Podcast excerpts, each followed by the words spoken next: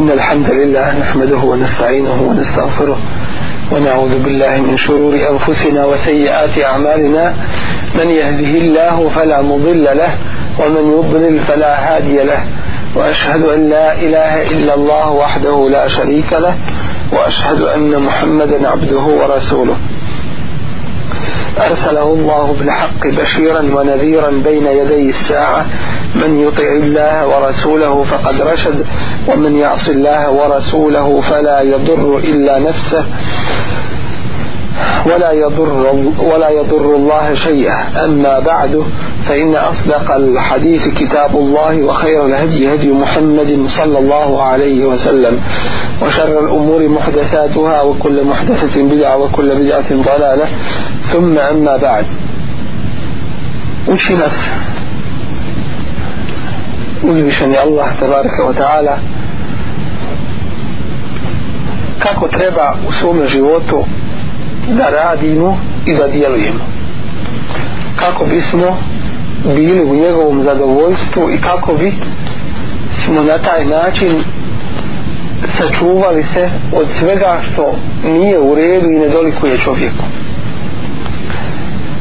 Od toga je čovjek odgovoran i obavezan u pogledu ovih njemeta i blagodati koje mu je Allah podario. Jedna od velikih blagodati jeste blagodat govora. Nju zna i cijeni onaj koji ne govori koji ne ima ove blagodati. A oni koji govore često nisu zahvalni Allahu na ovome nijametu mi ćemo biti pitani za ono što govorimo kao što pita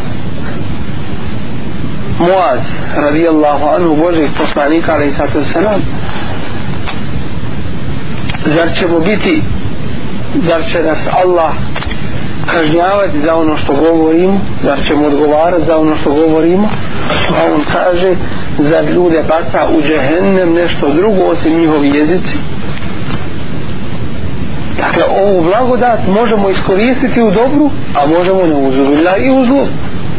Pa jezik ako spominje uzvišenog Allaha tabaraka wa ta'ala ako klanja Kur'an uči poziva ljude na dobro i odvraća od zla sve je to od dobra i od zahvale Allahu želešanuhu na njegovoj blagodati koju nam je dao ali ako to iskoristi uzlo tako što prenosi riječi drugi pa zavađa ljude ako givet čini to jeste ogovara druge ako psuje ako ne vjeruje ako ljude napada tim jezikom i uznemirava onda je to zlo kojega jeste da ga koristio u dobro on ga koristi u onome što ne valja i vodi ga u propast. Dovoljno nam je da znamo riječi uzvišenog Allaha gdje kaže ma jelfedu min qavlin illa ladejhi raqibun atid. Čovjek ne progovori ni jednu riječ a da kod njega nisu raqib i atid to su dva meleka ovaj desni zove se Rakib, a ovaj lijevi zove se atid. Sve što progovori sve se to bilježi. I sve to ostaje do sudnjeg dana na dan kada će se otvoriti za svaki dan posebno zapisano šta si rekao i šta si uradio. Kome će se to iznijeti? Čovjeku pred svim ljudima ko će to iznijeti? Onaj koji zna ja'lamu sirra wa ahfa koji zna tajne i ono što je skrivenije od tih tajne i zato musliman nastoji u cjelokupnom svome životu da bude u zadovoljstvu svoga stvoritelja subhanahu wa ta'ala. Pa gleda da mu zahvaljuje da mu bude u pokornosti. A šeitan je rekao uzvišenom Allahu kada je bio proklet kaže ولا تجد اكثرهم شاكرين a većinu njih to jeste ljudi nećeš naći da ti zahvaljuju dakle većina ljudi će ti biti nezahvalnici i kaže šeitan Allahu želešanuhu ثم لآتينهم zatim ću im dolaziti min bejni ejdihim sprijeda wa min halfihim i od pozada wa an ejmanihim i sa njihovih desnih strana. Wa an šamailihim i sa lijevih strana. Wa la teđedu ekferahum šakirin. I većinu nećeš naći da se zahvaljuju. Wa laqad saddaqa alihim iblisu vanne Iblis je ispravno mislio u pogledu ljudi, kaže nam Allah te wa ta'ala. Fettebe'uhu pa ga slijediši. Illa fariqa min al mu'minin, osim jedne skupine mu'mina, koji su odbili pokornost šeitanu i prihvatili pokornost svome stvoritelju. I tako jedan musliman je zahvalan Allahu na ovim blagodatima. Pa svoje oči, svoj pogled ne usmjerava ono što ne smije gledati i što je haram svoje misli ne koristi u ono što mu ne koristi. I ne upotrebljava ono što nije u redu. Svoj sluh svoj govor svoju snagu koju mu je Allah podario svoju ljepotu i blagodat mladosti i sve ostale Božije blagodati samo u hajr koristi i samo u dobro koristi. Dok ne sretne svoga gospodara na sudnjem danu i on sa njim zadovoljen kao nastavak prošlog kazivanja noćas ćemo govoriti o jednoj bolesti koja zadešava ljude koji su pustili svome jeziku da radi šta hoće. Ta bolest se naziva nemimet. U slobodnom prevodu to je prenošenje tuđih riječi. Da vidimo šta nam islam o tome kaže kakav je hukum islama o tome šta je to sve nemimet i u šta? Šta se sve ubraja u nemimet kako mi ne bismo upali taj haram? Kakva je kazna za njega? Kako čovjek da se sačuva toga nemimeta? Kada mu neko govori i prenosi tuđe riječi šta da u tom slučaju učini? I kako da liječi taj nemimet kod samoga sebi to je vrlo važno da odgovorimo na sve to kako bismo se mi sačuvali od toga harama i drugima prenijeli što treba da radi. Kao prvo šta je to nemimet? Šta je to u slobodnom prevodu rečeno prenošenje riječi? Kaže Hafiz ibn Hajar rahim, rahmatullahi alaihi a to je komentator Buhari je jedan od najvećih učenjaka nauke o hadisu prenoseći riječi Gazalije rahmetullahi alaihi. Gazalija je isto tako islamski učenjak veliki islamski učenjak s tim što treba napomenuti da je u jednom periodu svoga života govorio nešto što nije bilo u skladu sa islamom pa se kasnije pred kraj života pokajao. Kod nekih kad se kaže Gazalija odmah će ga odbaciti reći kad, kad je govorio to ništa od njega ne prihvatam a to nije u redu. Pa kaže nemimet je u osnovi prenošenje govora onome o kome se nešto reklo. I to nije ograničeno na ovo spomenuto. Već možemo reći da u nemimet ulazi sve što nije drago dotičnoj osobi da se kaže da se otkrije. Bez obzira da li to bilo mrsko onome od koga se to prenosi ili bilo mrsko onome kome se to prenosi. Ili nekome drugome.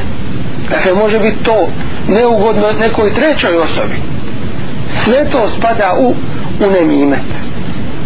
Radilo se o riječima o dijelima ili o nekim mahanama o nekim nedostacima ili o nečemu drugome. Kada bi vidio nekoga da sakriva neki imetak stavio ruku u džep i uzeo brojat pare pred nekim ali nije bio svjestan da je taj prisutan. I kad ga je vidio stavio u džep ovaj ode drugome i kaže e, vidio sam ga da on ima sredstava. I to je nemine. Dakle prenijeti nešto od dijela ili riječi drugoj osobi bilo to neugodno onome od koga se prenosi ili onome kome se prenosi ili nekoj trećoj osobi. Dakle to je možemo reći drugim riječima jedna vrsta uznemiravanja nekoga od muslimana ezijeta nekoga od muslimana. A to svakako nije dozvoljeno.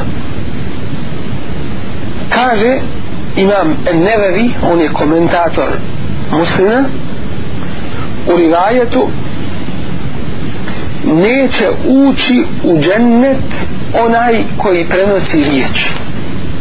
Kaže se nemimet je prenošenje riječi u svrhu zavađanja ljudi. Nekada čovjek to može prenijeti te riječi a nije svjestan šta one iza sebe nose kao posljedicu. Ali pošto je uzrokovao zavađanje među ljudima neprijateljstvo među njima onda on snosi i posljedice toga i ovog zavađanja. Dakle čovjek nekada nesvjesno uradi menimet pa on ima svoje loše posljedice i zato je u tome slučaju čovjeku dužnost da čuva svoj jezik i šta govori. I da ne govori bez potrebe. Jer ne zna šta je ljudima drago da se zna a šta nije. I od toga je hadis Resulullah ali sam samo kome kaže onaj ko vjeruje u Allaha i sudnji dan neka govori samo što je dobro ili neka ili neka šuti. Tako će se u najmanju ruku sačuvati. Buharija u svome sahihu navodi naslov i kaže babu ma yukrahu minan nemimeti. Poglavlje o onome što je pokuđeno od nemimeta i od prenošenja riječi. Iz ovog naslova Buharinog možemo shvatiti da ima nemimeta koji je koji nije pokuđen. A koji je to? Dozvoljen je nemimet u pogledu nevjernika jer nevjernik u tom slučaju ne ima svoga hurmeta i te zaštite koju ima mu'min vjernik. Pa nam je dozvoljeno reći muslimanu ono što je rekao kafir. Dozvoljeno je prenijeti muslimanu da bi svoga na to upozorili i da bi se on njega čuvao dakle u pogledu nevjernika kafira dozvoljeno je prenijeti njihove riječi i njihova dijela zatim dozvoljeno je uhoditi u državi nemuslimana i prenositi ono što im štetu nanosi. Dakle čovjek koji bi bio tim zadužen da ide u neprijateljsku državu da ih uhodi i onda prenio ono što oni govore što rade i tako dalje. Isto tako dozvoljeno je prenijeti riječi jednih kafira drugima u cilju zavađanja. I u svrhu da se da se među njima neprijateljstvo, neprijateljstvo uspostavi i zato imamo primjer u bitci na na Hendeku. Kada dolazi jedan od ashaba Nuaym ibn Mesud i kaže Boži poslaniće ja bih htio da učinim neko dobro. Kaže ti si pojedinac a uradi šta možeš. Pa je otišao židovima. I kaže ja sam vaš prijatelj ja vam hoću dobro. Mušlici hoće od vas da uzmu neku garanciju. Oni odoše odavde jer oni nisu stanovnici ovih mjesta. Da biste se osigurali vi zapravo od njih uzmite neku garanciju. Ostavite kod sebe nekoliko njihovih prvaka. Pa ako vas oni predaju ako vas predaju Muhammedu vi ćete dati te prvake Kureša da se pobiju i na taj način vi ćete biti zaštićeni. Kaže tako i jest. A onda ode mušicima pa kaže oni židovi će vas izdati. Vidjet ćete doći vam i sad će od vas tražiti da im dadnete nekoliko svojih ljudi. Hoće da ih predaju Muhammed kaže dobro vidjet ćemo. Kad eto ti grupe židova kažu mi ne znamo šta će biti dajte mi nama vaše ljude da ih mi čuvamo. E vidiš da je istina što je mena rekao i zavadi ih i tako taj njihov savez propadne. Tu ne samo da je premio riječi već je još veće učinio a to je izmislio je. Izmislio je laž da ih zavadi. U tom je slučaju je dozvoljeno. Dakle kada govorimo o nemimetu i prenošenju riječi kažemo dva osnovna uslova ili tri bolje rečeno. A to je da se prenosi od muslimana. Da se prenosi ono što nekome nije drago bez obzira o kome se radilo. I treće da to izaziva smutnju i nered i neprijateljstvo. Dakle ta tri šarta su u nemimetu spomenuta kakav je šerijatski stav u pogledu nemimeta?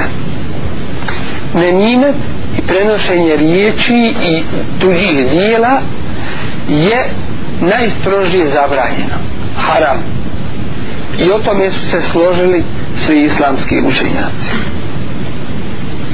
Što se tiče Kur'ana Kerima kaže uzvišeni Allah tabaraka wa ta'ala فلا تطع كل حلاف مهين هماز مشاء بنميم مناع للخير معتد أثيم što znači u prijevodu fela tuti' i nemoj slijediti kulla hallafin onoga koji se kune i zaklinje puno ali lažno. I onaj ko hoće svoju laž da potvrdi onda se puno zaklinje. Halafi mehin onaj koji ne ima nikakve časti niti obraza. Hemmazin koji je klevetnik mešaim binemim koji ide po nemimetu. Prenosi tuđe riječi menna'il lil hajri koji spriječava da se radi hajr i dobro mu'tadin koji prelazi svaku granicu u neprijateljstvu esim teškom griješnik teški griješnik. Nemoj takve slijediti. Pa je u ovu najgoru kategoriju ljudi ubra, ubrojan i taj koji prenosi tuđe riječi i tuđa dijela I kaže nam Allah tabaraka wa ta'ala Vajlu li kulli humezati lumeze Teško li se svakome onome klevetniku Svakome onome koji drugima spo, Druge spominje pozlu i koji drugima imena ružna spominje prenosi se od Huzeife radijallahu anhu.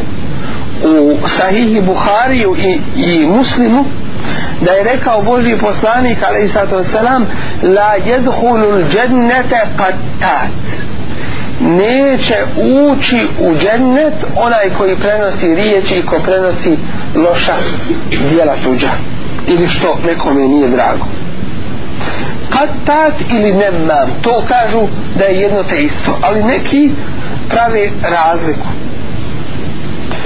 U tome što je nemam onaj koji prenosi ono što se desilo a bio je prisutan tu. Dok je katat onaj koji prenosi šta se desilo ali nije tu bio prisutan. U svakom slučaju i od jednog i od drugog velika je šteta i u drugom rivajetu koga prenosi muslim kaže neće ući u džennet nema. Dakle jedna i druga vrsta zapriječeno im je da neće ne uzubila da neće ući u džennet zbog velike štete po društvu od njih. Šta znači ovo da neće ući u džennet? Ovo je pitanje vezano za akidu za vjerovanje ko neće ući u džennet? Mi znamo da neće ući u džennet kafiri. Da neće ući u džennet oni koji su odbili poslušnost Allahu Đelešanu njegova Rasula ali sada sada oni za koje je Islam rekao da su kafir oni ne ulazi u džennet. A šta znači da čovjek koji je prenosio riječi i tuđa djela da neće ući u džennet to znači da neće ući onda kada ljudi budu ulazili u džennet. Ako je imao imana i vjerovanje ako, i ako bude kažnjen džehennemom opet neće u džehennemu vječno ostati. Jer će Allah na kraju reći melekima idite i izvadite iz džehennema one koji u srcu imaju i najmanji trun imana. Pa će ići meleki i poznaće ih samo po mjestima gdje su sve izgučinili po čelima njihovim. Potom će ih poznati jer su izgorili potpunosti. Pa će ih izvaditi iz džehennema i onda ih uvesti u džennet. Allah će im dati jedna nova tijela dakle ne znači da neće nikada ući u džennet već neće ući onda kada ljudi budu ulazili u džennet. Ili će biti zadržani pa će kasnije ući u džennet ako im Allah oprosti to ili ako im Allah ne oprosti onda će ih kazniti u džehennemu ali opet na kraju idu u u dženne zato što su imali osnovu imana i osnovu vjerovanja. Takvi svojim postupcima ne postaju kafiri. Već ako im Allah ne oprosti a umrli su tako bez teobe ako im Allah ne oprosti onda idu u džehennem ali će opet na kraju u u džennet otići. To je vjerovanje i akida ehlisunneta džemata. A onaj koji je učinio teške grije pa se pokaje Allah mu to prašta ko se iskreno Allahu pokaje za grijehe izlazi iz tih grija kao od majke rođen i tolika je veličina teobe i inša Allah teobi ćemo posebno kazivati govoriti.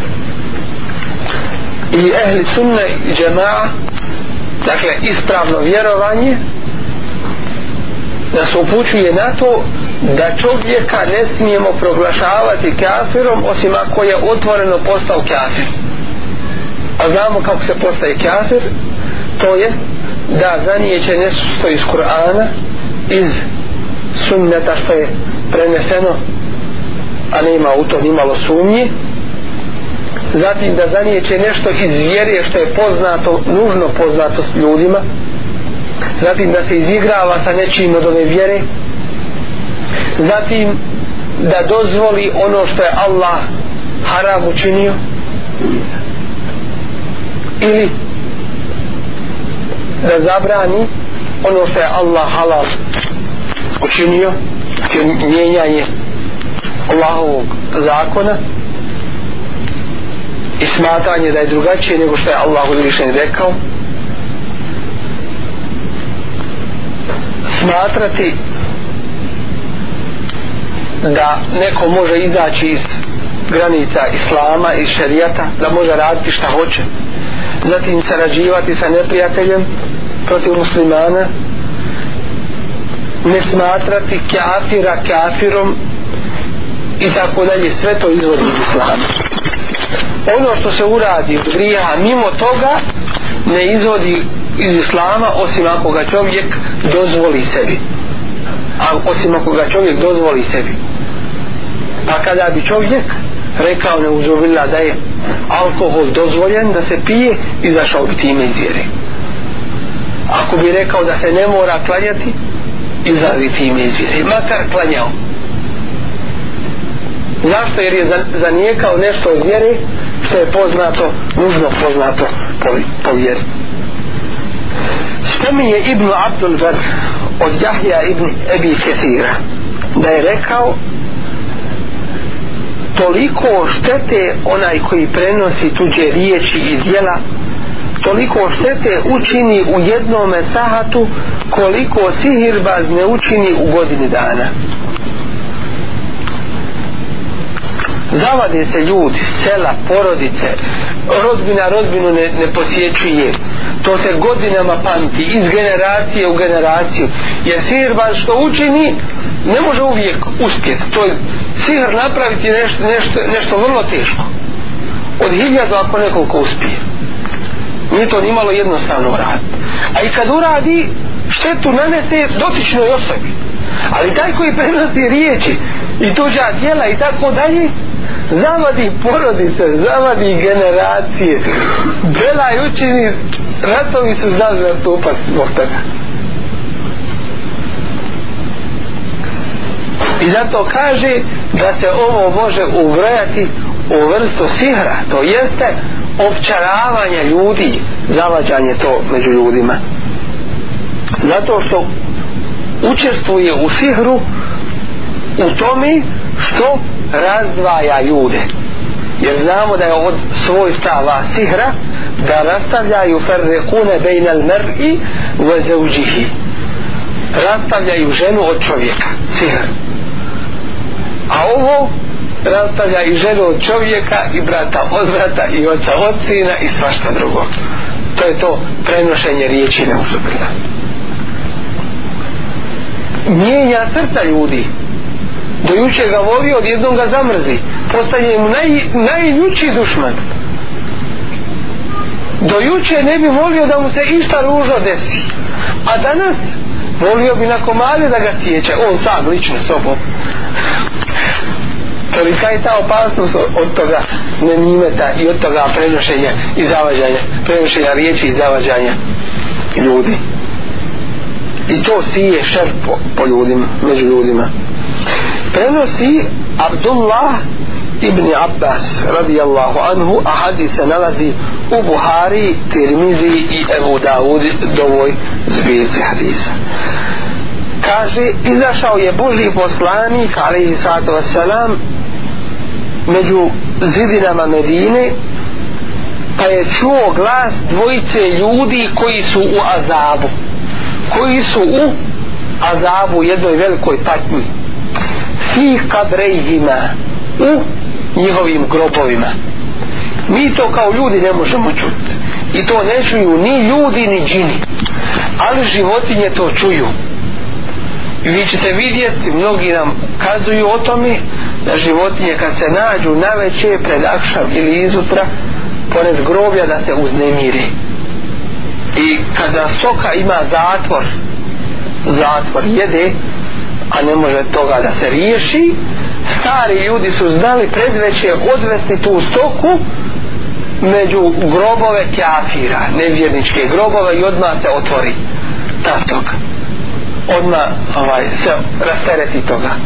Jer čuju taj azabot pa kaže Resulullah ali sam sam kada bismo mi to čuli popadali bismo od, od, od tegovi od straha a azab oni bivaju izutra i na večer en naru yu'raduna alejha guduvan wa ašija izutra i na večer bivaju predstavljanje vatri dakle bivaju u tome azabu pa kaže Resulullah a.s.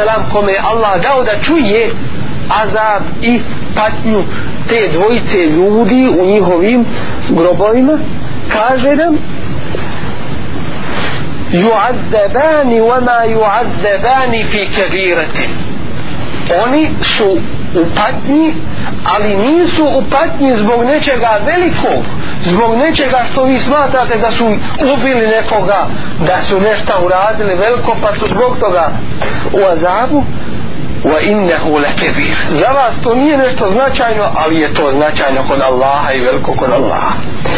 Kane ahaduhuma la jestetiru min al beul.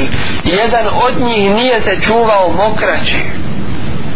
kada bi svoju potrebu obavljao nije se čuvao toga pa bi mu nakapalo na odjeću njegov pa namaz nije ispravan onda koji klanja jer je dužno da bude mjesto čisto i tijelo i odijelo nije se čuvao od toga i neka se dobro pripaze oni koji se ne čuvaju od mokrenja.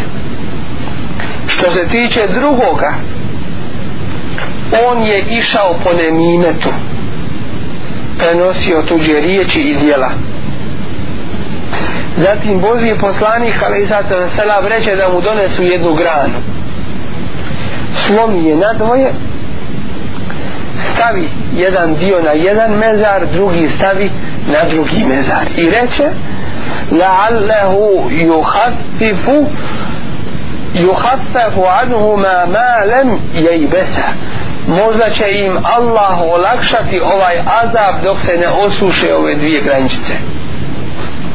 To jeste dok u trajanju dok se ove graničice dvije ne ne osuše možda će im Allah u tome periodu olakšati njihov azab. Ovdje jedna napomena. Neki od ovoga uzimaju sebi za dokaz da se mogu vijenci nositi na mezarije. Kažu Boži poslanik ali sam sam uzeo je grančicu pa stavio na mezari kaže možda će im to biti olakšica u njegovom kaburskom azabu što se tiče odgovora na ovo pitanje on je vrlo jasan. A to je praksa Božijeg poslanika ali sad što znači da nikada to kasnije ni prije toga Resulullah ali sad sam nije radio. Dalje nije rekao da to i kod njega iza njega radi. Niti je i kod ashaba to radio. A ovo je bilo posebno vezano za dovu Resulullah a.s. a njegova dova je kabul kod Allaha. Da učini da im se olakša azab u tome periodu. U trajanju dok se te dvije grančice ne osluši a kada bi neki cijelu šumu posjetili pa stavili na grobove nekih neće im to olakšati ako Allah im ne olakša dakle u ovome nema delila za vijence, za cvijeće i tako dalje. Ko donosi cvijeće na grobove donosi radi sebe što mu je lijepo gledati u to cvijeće. A onaj mrtvi ni to miriše ni to vidi ni to osjeti. Nego svoja dijela koja je uradio a ti ako hoćeš da mu hediju i poklon dadneš onda uzmi sadaku pa daj. U ime Allaha za toga umrlog za koji kurbana za njega hađ obavi za njega uzmi pa posti. Ako mu je ostalo posta pa nije postio i tako dalje. Napravi neki hajrat neki vakuf i neko dobro i namijeni u ime Allaha a za dušu toga. To ti je prihvaćeno kod Allaha inša Allah ako je iskreno ime Allaha. I od toga će taj umrli imat celava i imat poklon će mu taj doći zasigurno. Drugo nešto nije ispravno šta treba čovjek kome neko prenese tuđi govor? Šta treba da učini? Kaže imam nevevi svako komu je bude preneseno nešto od nenimeta od drugog gov, tuđeg govora i dijela pa mu bude rečeno taj i taj govori to i to o tebi. I radi to i to u pogledu tebe na njemu je to jeste na tome kome je to rečeno i kome je to preneseno da uradi še, šestero. Kao prvo da ne vjeruje tome koji mu je donio to tu vijest. Da mu ne vjeruje u tome. Zašto? zato što je on fatik griješnik a Allah nam kaže in ja'akum fasiqun bi naba'in fatabayyan ako vam dođe fasik i kakav griješnik sa kakvom viješu vi to provjerite. Dakle nemojte mu vjerovati. A ovaj je fasik. Ne treba mu vjerovati. Ne smije čovjek ovdje tek se zainteresovati. A je to rekao? A šta je još bilo? Da mi reci i tako dalje. Ne. Nego treba prvo da mu ne vjeruje. Drugo da ga spriječi u tome govor da ga prekine u tome. Ne dozvoli da nastavlja dalje. Jer što više nastavlja sve više ti ubacuje u srce otrova. Pa se čuvaj toga da ne podlegneš tome. Treba da ga posavjetuje i da mu zabrani to što radi. I da mu omrzne to djelo. Treće da prezre to njegovo djelo i ako nastavi sa tim i njega samog da prezre zato što uzvišeni Allah to mrzi. A ti moraš mrziti ono što Allah mrzi. I mrzi i to dijelo i toga ko to radi. Četvrto. Da ne pomisliš u pogledu tvoga brata od koga ti je to preneseno ništa loše. Jer Kur'an kaže i nemojte zaista su neke misli i neke sumnje grije. Inne ba'da vanni ism. Neke sumnje neka sumnjičenje su otvoreni grije. Peto da ga ne navede to jeste da te ne navede to što si već čuo što ti je preneseno da počneš ispitivati i istraživati to da li je to u stvari tako? Jer znači da si već prihvatio i da si se što se kaže upecao na tu udicu. Jer vidjet ćemo u kuranskom majtu u surej Al-Hudurat da uzvišeni kaže inne ba'da dhanni ism neke sumnje su grijeh wala te su i nemojte jedne druge uhoditi znači ako imaš sumnju nemoj da te sumnja navede na uhođenje. A onda dalje to uhođenje da te navede na gibet i na nemimet. Wala jagte ba'dukum ba'da. I nemojte jedni druge gibetiti, ogovarati i loše jedni od drugima kazivati. E, I Resulullah a.s. salam kaže vidio sam većinu stanovnika dženneta siromahe jer bogatstvo u većini zavara. Biće i bogataša ali većinom bogatstvo zavara. A vidio sam većinu stanovnika džehennema da su žene. I vidio sam većinu stanovnika džehennema da su žene. Zašto? zato što koliko god dobre dijela uradi svojim jezikom to nažalost u dosta slučajeva pokvari pa se kaže kada jedan od vas učini ženi cijeloga života i radi i čini dobro, a onda ona od njega doživi i osjeti nešto što joj nije drago kaže nikada od tebe nikakvog dobra nisam vidjela. Dakle za nije će dobro. To je peto. Dakle da čovjeka ne navede to što mu je preneseno da da ispituje to. Pa dalje da preuzima korak. I šesto da nije zadovoljan sa onim što je zabranjeno i drugima. To jeste da ne prihvatiš govor toga koji ti je prednio to pa onda ti da postaneš onaj koji prenosiš na drugi. Onaj prvi se zove nemam a ovaj drugi se zove katat i jedan i drugi navedeno je za njih da da neće u džennet. Neće u džennet kada budu ulazili ljudi u džennet. Ostaju nam tri pitanja. Prvo je šta treba čovjek isto da učini kada čuje gibet to jeste ogovaranje drugoga.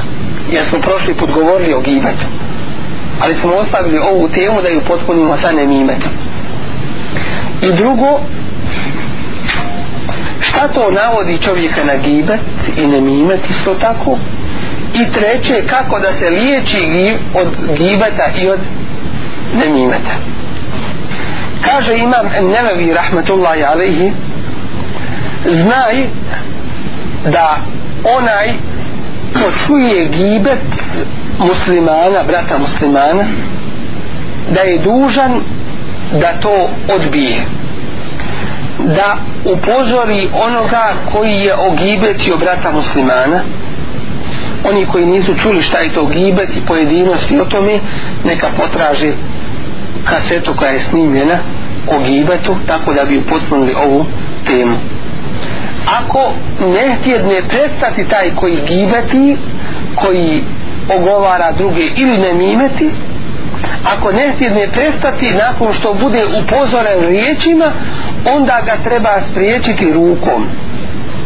A ako čovjek ne može ga spriječiti ni rukom ni jezikom onda će napustiti to društvo. Jer dok si u tome društvu i tebi se piše grijeh toga. A ako čuje gibet i ogovaranje onoga koji ga poučava onoga od koga sluša dersove. Ili gibet ogovaranje svojih roditelja. Onda je to još gori. Onda još je preče da to mora vratiti i odbaciti.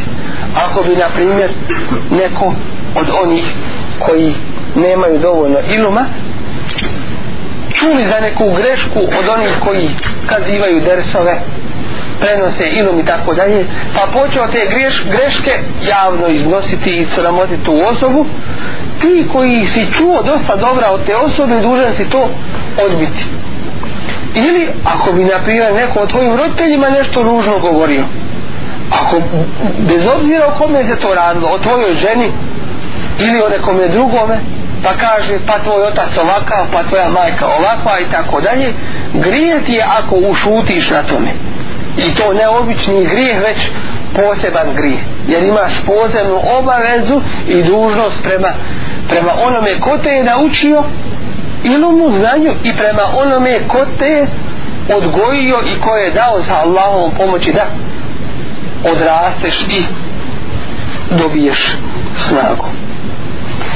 Prenosi se od Džabir ibn Abdullaha i Ebu Talhi radijallahu anhum u hadisu koga prenosi Ebu Davud i Ahmeda kaže šejh Nasir Udine Labani da je Hasan hadis ما من امرئ يخذل امرأ مسلما في موضع تنتهك فيه تنتهك فيه حرمته وينتقص فيه من عرضه إلا خذله الله في موطع في موطن يحب فيه نصرته nema ni jednog čovjeka koji svome bratu muslimanu ne pomogne na mjestu gdje se njegov hurmet, njegova čast dotiče i njegova čast umanjuje. Nema nikoga kod svoga muslimana brata napusti u takvome u takvoj situaciji a da Allah toga neće napustiti na mjestu gdje voli da bude pomognut. To jeste kada čuješ gibe nekoga u svome prisustvu ako ne odbiješ to i ne odgovoriš na to neka znaš da te Allah neće pomoći na mjestu gdje ti je pomoć potrebna. Upravo istom mjerom.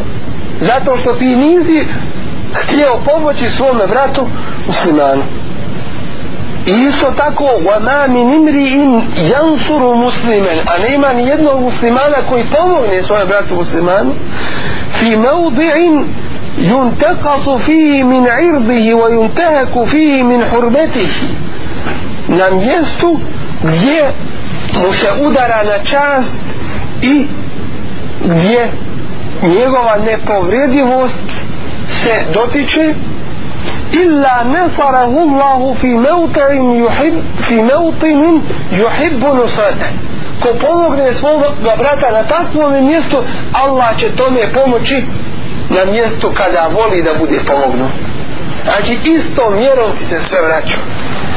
Kaže Ebu Darda radijallahu anhu u rivajetu koga prenosi Ahmed i Tirmizija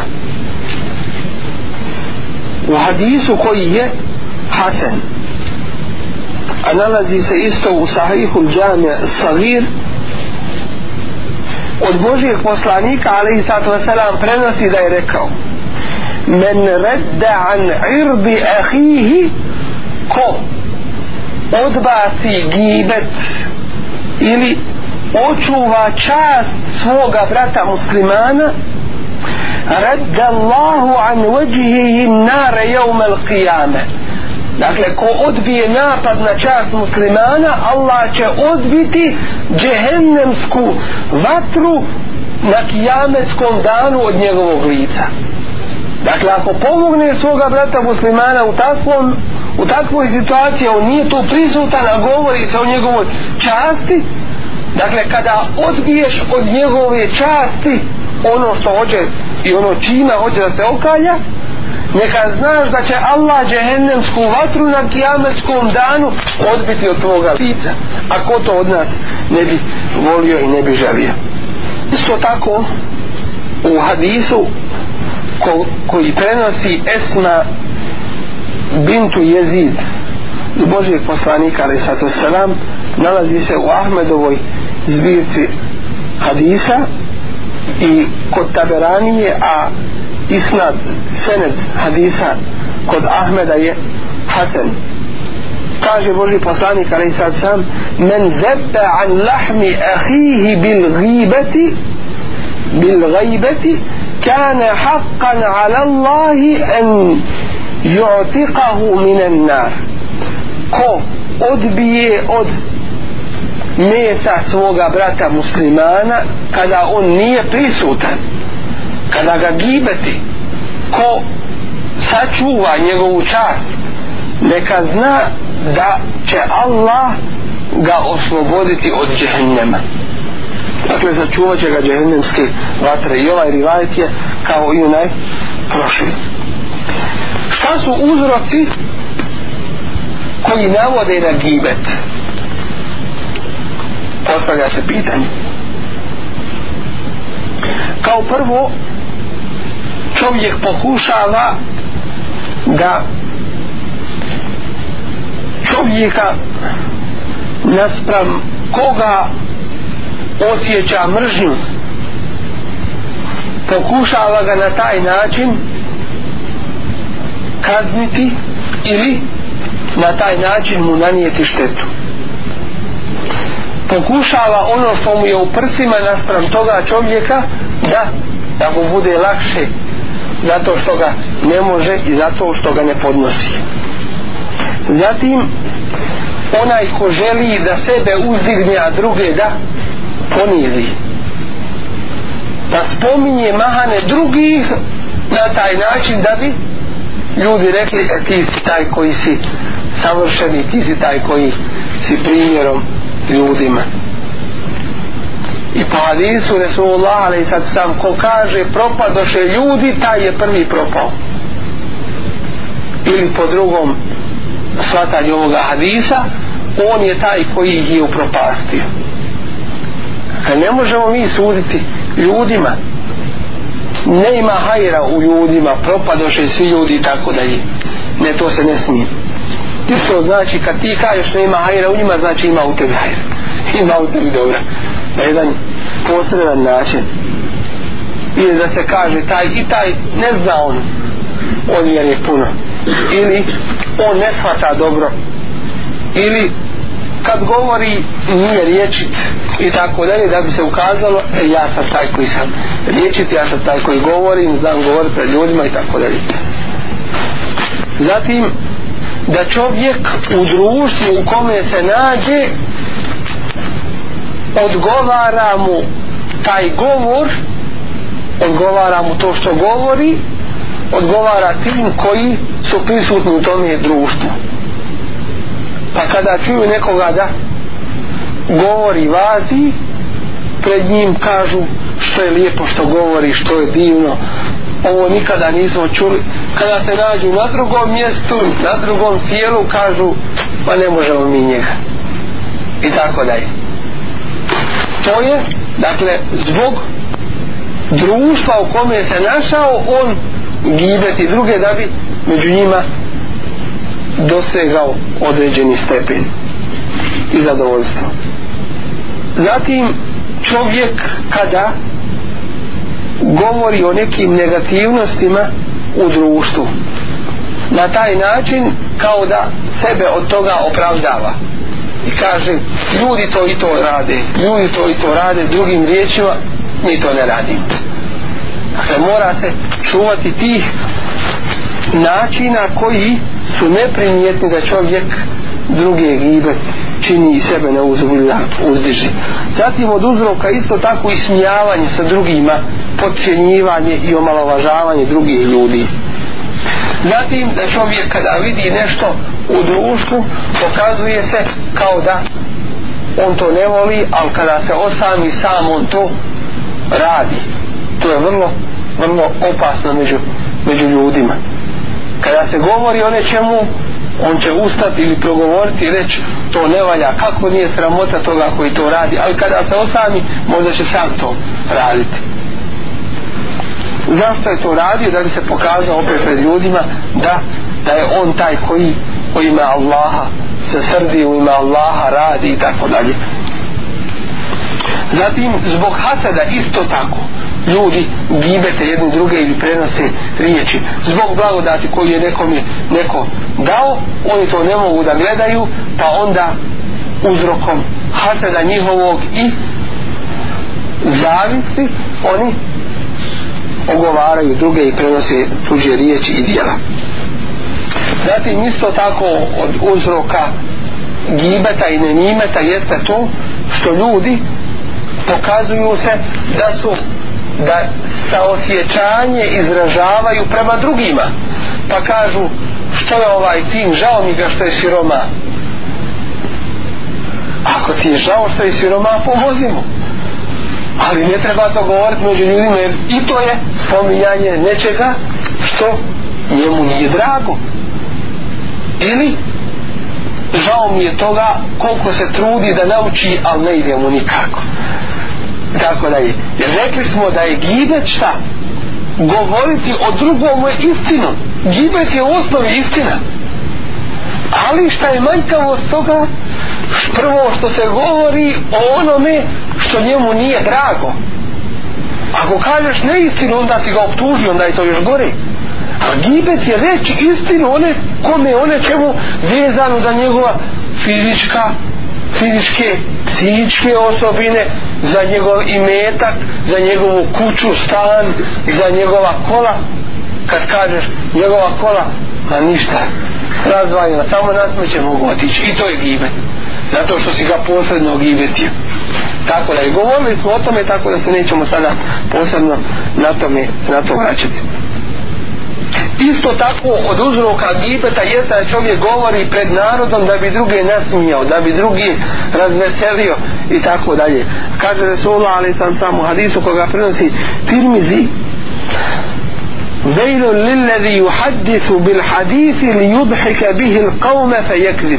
Teško li onome koji govori ljudima nešto da bi ih nasmijao.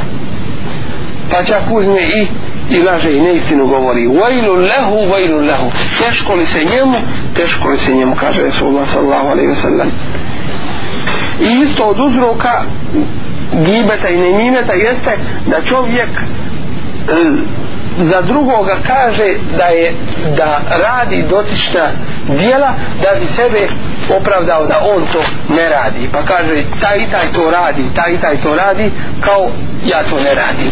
Da bi na jedan drugačiji način sebe opravdao. Ili od uzroka isto tako gibeta i nemimeta što ćemo danas često naći da se približavajući se vladarima ili ljudima koji su na položaju određenom društvu a bojeći se da će istina izaći na vidjelo onda dođu ti ljudi munafici do tih vladara i do tih ljudi na položaju i onda ogibete toga čovjeka da bi na taj način spriječili da se da se istina proširi. Pa to je nekada nadjevanjem raznih imena ovi su takvi, ovi su ovakvi a oni u stvari nisu bitni nego je bitno to što ih treba spriječiti da dava i da istina dođe do ljudi.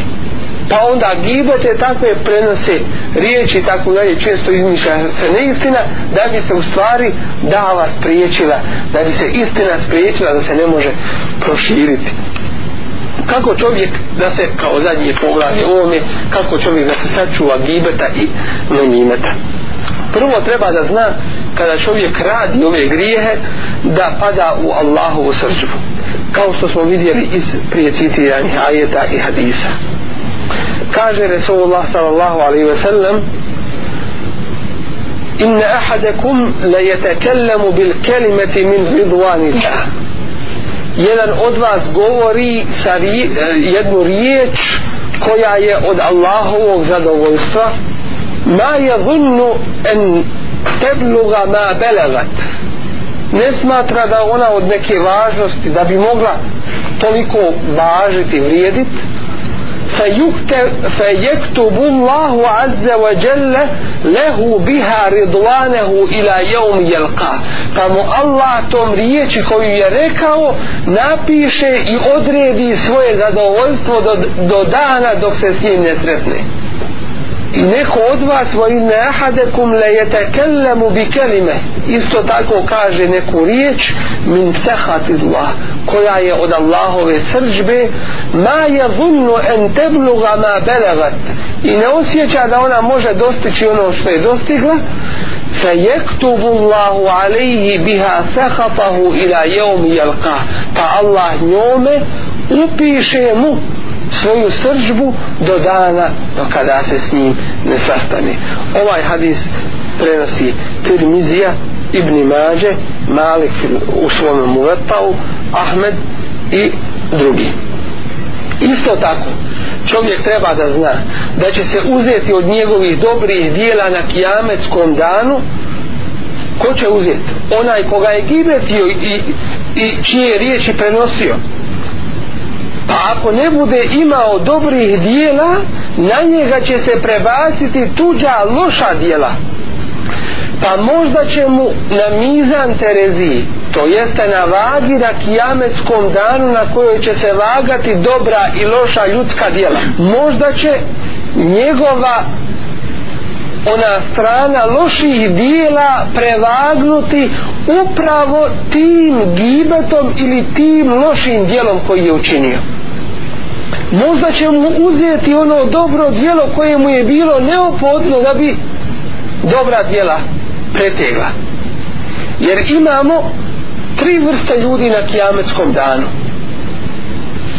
Oni čija će dobra dijela pretegnuti. Fa emma men thekulet mawazinu fa ulajke humul muflihun. Čija dobra dijela pretegnu oni su spašeni, uspjeli su. وأما من خفت موازينه فأولئك الذين خسروا أنفسهم في جهنم خالدون a oni čija loša djela pretegnu oni su sebe upropastili u džehennemu su vječno koja je treća vrsta ljudi o tome nam Allah govori u posebnoj suri koja se u Kur'anu naziva El-E'raf to su ljudi čija su dobra i loša dijela izjednačena. Niti su dobra prevagnula niti su loša prevagnula i bit će ostavljen jedan period. Džennet li je otišao u džennet džennem li je otišao u džennem treba im jedno dobro djelo. Da Bog do nisu ono jedno loše uradili pa da pa da prevagne ona dobra da prevagnu djela. Kad kažeš elif la mi to su tri harfa iz Kur'ana a za svaki harf po deset sevaba to je 30 sevaba njima je jedan sevab samo treba. Kul huvallahu kad proučiš koliko ima tu harfova preko tri stotine preko tri stotine njima jedan sevab bio potreban. Sjeti se toga možda ti zatreba taj sevab i nemoj se sa tim rasipati. A jako mu ne ustreva tada neka se čovjek sjeti da će biti doveden pred toga koga je kibet činio, ugovarao i čije riječi i djela prenosio pa će biti traženo od njega na danu kada mu bude neugodno pa će biti pitan pa će morat odgovarat pa će biti ispitivan a to samo po sebi je jedna vrsta azaba. Kada čovjek to zna onda njegov jezik neće moći progovoriti ništa osim samo dobro. Jer je Allah uzvišeni tri zastora postavio jeziku. Mogao je Allah dati jezik da bude napolje. Pa da govori bez ikakve kontrole ali je dao tri zastora ili tri ograde tome jeziku. Kao prva ograda jeste jesu zubi. Jezik ne može progovoriti dok se ne otvori to druga jesu usne. Elam neđa'al lahu ajnejni wa lisanen wa šefetejni. Zar mu nismo dali dva oka i jezik i dvije usne? Dakle i usne sprečavaju dok da da jezik progovori. I treće razum tvoj pamet jer pametan ne govori ono zbog čega će se morati ljudima izvinjavati. I što će ga u nesreću odvesti.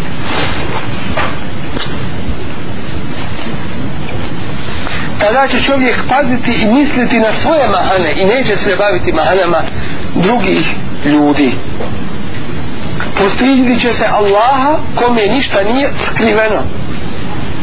Pa neće spominjati mahane drugih u svakom slučaju treba da ljudima, muslimanima da nalazi opravdanja i izlaze i da zna da ga Allah kontroliše i pazi. A ako čovjek kritikuje nekoga ili ogovara nekoga zbog njegovog izgleda onda rekli smo da je to u stvari da na taj način mahanu pripisuje stvoritelju toga. Jer ti si takav kakav jesi nisi sebe stvorio. Allah te je stvorio. Pa kada kažeš ovaj zid je kriv onda ne okrivljuješ zid nego onoga koji ga je napravio. Ovaj čovjek je takav znači ne okrivljuješ njega nego njegovog stvoritelja koji ga je takvog koji ga je takvog stvorio isto tako dužnost je čovjeka da se klone haseda zavisti da se pazi da ga ne odvede to što vidi blagodat drugih u zavist u poricanje blagodati koju kod sebe ima pa da počne druge ogovarati prenositi njihove riječi i zavađati među, među ljudima prenositi ono što nije u redu.